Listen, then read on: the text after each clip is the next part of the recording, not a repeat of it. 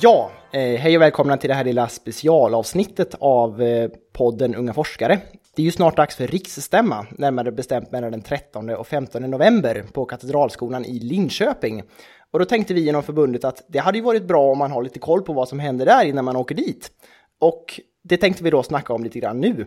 Och till min hjälp har jag förbundsstyrelsen som är med på länk ifrån ett förbundsstyrelsemöte i Stockholm. Hör ni mig? Ja. Yes. Yes. Börjar ni känna er redo inför eh, riksstämman? Ja, det tycker jag. Jag tycker vi har varit redo ganska länge. Eh, handlingarna skickades ju ut eh, en månad innan och sedan dess så har väl ja, det mesta varit klart på vår sida, så får man väl ändå säga. Ni har lagt upp strategierna för att få igenom era förslag.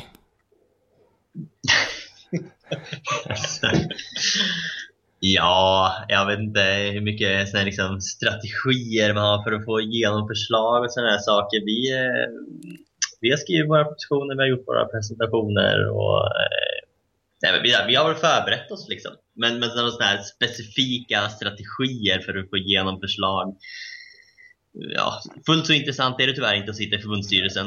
Alltså, det, det bästa strategin är att, är att lägga bra förslag.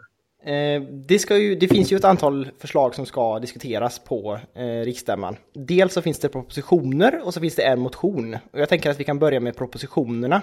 Eh, vad är en proposition för det första? En proposition är ett förslag till riksstämman som läggs av styrelsen. Precis. Och det finns fyra sådana den här gången då. Och den första heter medlemsformer inom Unga forskare. Eh, vad innebär den? Det handlar om att eh, avveckla någonting som kallas för ämnesstödet inom Unga forskare. Och det handlar då om att vi har ett antal ämnesföreningar som har varsin ämnesprojektledare. Och i de här ämnesföreningarna eh, så kan man gå med som projektgrupp. Men det är alltså någonting vi tänker ta bort nu för det har inte fungerat, det är inte ekonomiskt hållbart. Det tar för mycket tid och är för svårt att hitta projektledare till alla de här ämnesföreningarna. Så själva föreningarna kommer finnas kvar, men ämnesstödet som det ser ut idag kommer ja, mer eller mindre tas bort, men framförallt göras om. Och sen så lägger vi också till en eh, stödmedlemskapsform. Vi lägger till en stödmedlemskapsform och vi kommer även att lägga in eh, ett kapitel om verksamhetsföreningar. Och verksamhetsföreningar ser vi är någonting där de nationella verksamheterna har en förening kopplad till sig. Kanske som till exempel podden. Då har ni också en förening så att podden kan komma på riksstämman och rösta. Och även ha någonstans att medlemsrapportera. Och de kommer nu med de här verksamhetsföreningarna att stå omnämnda i dokumentet medlemsbestämmelser. Det är bilaga 11 och 11a för den som har lust att titta i handlingarna. Men okej, okay, det är en liten, en liten omorganisation helt enkelt av hur eh, medlemmarna är organiserade inom förbundet. Har jag förstått rätt? Ja, precis. Man kan säga att det är en liten följd av de andra ändringar som har skett i förbundet de senaste åren. Precis, att man går ifrån det här med små föreningar till mer nationella verksamheter eh, i någon slags tendens i alla fall. Alltså, vi har ju som smått börjat titta på medlemsstöd och kommer väl tittas på kommande år. Eh, och det här är väl en del av det. Förut så fick man ju medlemsstödet genom sin ämnesförening genom det här. Det ska hända lite nya saker där. Det är inte exakt bestämt vad än. Men eh, att det ska liksom alla ska få. Det ska centraliseras istället för att ligga på, på olika ämnesföreningar.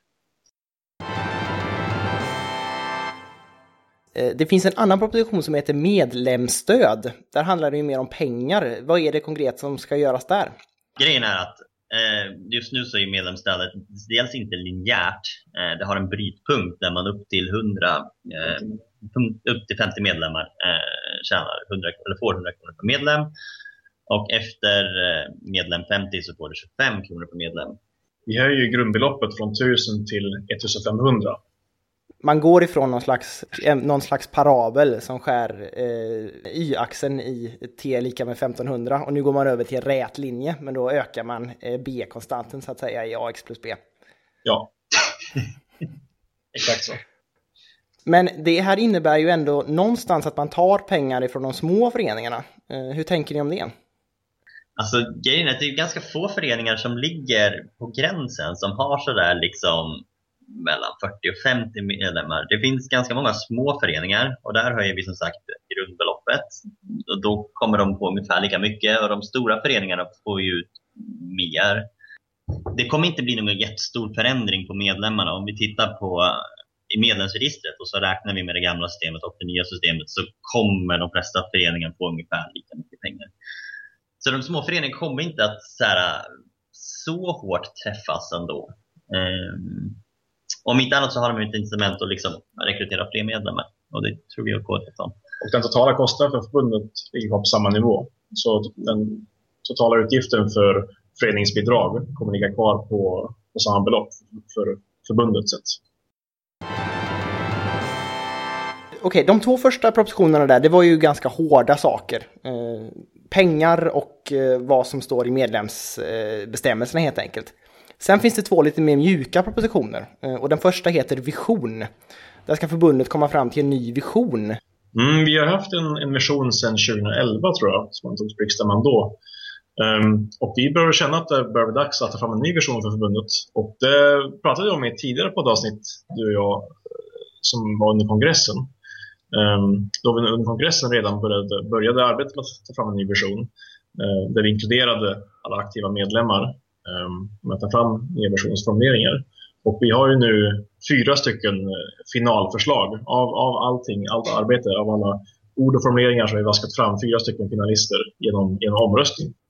Precis, och de fyra förslagen är eh, en framtid där ungas nyfikenhet för naturvetenskap är, tar en självklar plats i vardagen.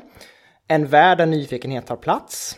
Det är självklart för unga att kunna ägna sig åt naturvetenskap på fritiden och en nyfiknare värld.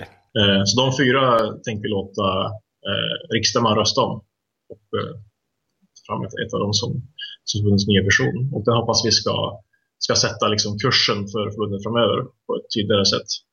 Det kommer bli en spännande diskussion tror jag. Det kommer det bli. Och så den fjärde propositionen som handlar om åsiktsprofilen. Det är alltså ett dokument som listar våra officiella åsikter så att säga. Precis, och där är det två stycken eh, åsikter som det är förslag på att vi ska justera lite grann. Um, för det första så finns det en åsikt som heter grundforskning och tillämpad forskning ska behandlas lika och unga ska uppmuntras till båda. Eh, där ska vi lägga till en lite bättre förklarande text i dokumentet helt enkelt. Ja, det stämmer. Det fanns ingen förklarande text alls innan, så det handlar inte om att det ska vara en bättre, utan det ska vara någon överhuvudtaget helt enkelt. Och då kan man givetvis diskutera hur den ska formuleras, och det är precis det vi ska göra. Sen nästa punkt är att vi ska lägga till en punkt i åsiktsprofilen om programmering. Och rent konkret är det att man helt enkelt ska ha eh, programmering som eh, standard i grundskolan. Det har sagts väldigt mycket i den här frågan det är svårt att sammanfatta det på ett kärnfullt sätt. Men argumentet är någonting i stil med att programmering har fått en särställning i samhället idag som liknar matematik i princip. Eh, det är, har blivit mer än ett teknik underområde. Det har blivit någonting som, eh, men som vi behöver i vardagen för att kunna typ förstå maskininteraktioner. Eh, och därför tycker vi att det kan vara rimligt att driva den frågan specifikt. Eh. Det ska ju sägas att, eh, nu hoppar Diana in här, eh, den här åsikten har ju kommit upp redan på förra riksstämman som ett förslag och därefter diskuterats vidare på förbundskongressen. Så det är ett typiskt exempel på hur man som medlem kan påverka åsiktsprofilen. Eh, för på, på stående stämma kan det vara lite svårt att formulera en kärnfull och genomtänkt åsikt, men eh, vi har ju tagit vara på dem, den input som har kommit upp. Eh, och då är det en grej till då som ska diskuteras och det är en motion. Eh, och där kan vi vara supertransparenta och säga att jag är en av dem som har skrivit dem. Alltså jag, Axel, som enskild medlem, inte från podcastens sida. Eh, det är jag och en till som heter Signe som har skrivit den. Och motionen heter helt enkelt vegetarisk kost till FUF-norm. Och det vi tänker oss är att eftersom att vegetarisk mat är mycket bättre än kött för klimatet Eh, så tycker vi att vi ska käka det när vi träffas allihop på förbundsstämman eller på en kongress eller något. Eh, och ja, det ska bli väldigt intressant att se hur den tas emot av de andra medlemmarna. Som listas i vårt motionssvar så har förbundsstyrelsen ingen officiell ståndpunkt i frågan. Utifall att det här är någon åsikt som man vill skriva in så hjälper vi gärna till att stoppa in den i rätt, eh, på rätt ställe och sådana saker. Men vi har ingen officiell åsikt. Budgeten, vad, eh, finns det några speciella förslag där som är nya? Framförallt så har budgeten ett lite annat eh, upplägg i år jämfört med för, eh, hur det har sett ut innan. Det är ju nämligen så att eh, tidigare år har vi inte riktigt inkluderat verksamheternas ekonomi i vår budgetproposition. Medan i år så har vi alltså en, eh, ett förslag som är uppbyggt av två delar. Där den ena delen handlar liksom uh, om de här eh, verksamhetspengarna som är oftast sponsorpengar som är ganska knutna till avtal, vilket är svårt för riksdagen att påverka. Men de tas upp där i alla fall, så vi ser verkligen vad, uh, hur mycket vi får in allt som allt och hur mycket vi gör av med allt som allt. Um, vidare har vi också, som, som beslutat av förra riksdagen en en tidigare redovisning av 2014 års ekonomi med färgglada cirkeldiagram. Så, så som begärt. Det är de stora grejerna som ska behandlas. Eh, eller hur? Det stämmer. Ehm, ja, alltså förbundsstyrelsevalet och ska man väl inte, tycker jag, förminska. Det är väl en stor sak som ska behandlas. Men jag menar, det behandlas flera stora punkter av riksstämman, men det där är de propositioner vi har lagt, eller motioner som har kommit in. Det händer ju lite andra grejer också på riksstämman. Uh, vad, vad, finns det för grejer man kan nämna där? Open Stage till exempel är väl uh, en typisk grej man borde börja göra reklam för redan nu. Det är om man vill framföra en sång, göra ett spex, eh, framföra en liten teaterpjäs eller vad man nu då vill. Så, eh, så kan man anmäla sig och då så mejlar man eh, Tove Ladberg på kansliet så får man kontakt med eh, konferenserna. Det brukar vara väldigt trevlig stämning och det brukar vara väldigt uppskattat och roligt. Eh, sen så ska det väl ske en föreläsning också va? Det stämmer, Ulf Ellervik kommer och gästföreläser. Absolut det var någonting man började med förra året, att man hade gästföreläsare. Då hade vi flera korta som kom och presenterade, ja, hade en populärvetenskaplig presentation. Och om du nu sitter någon medlem någonstans och känner att de blev sugna på att komma, men inte anmält igen, så går det fortfarande att komma till riksstämman.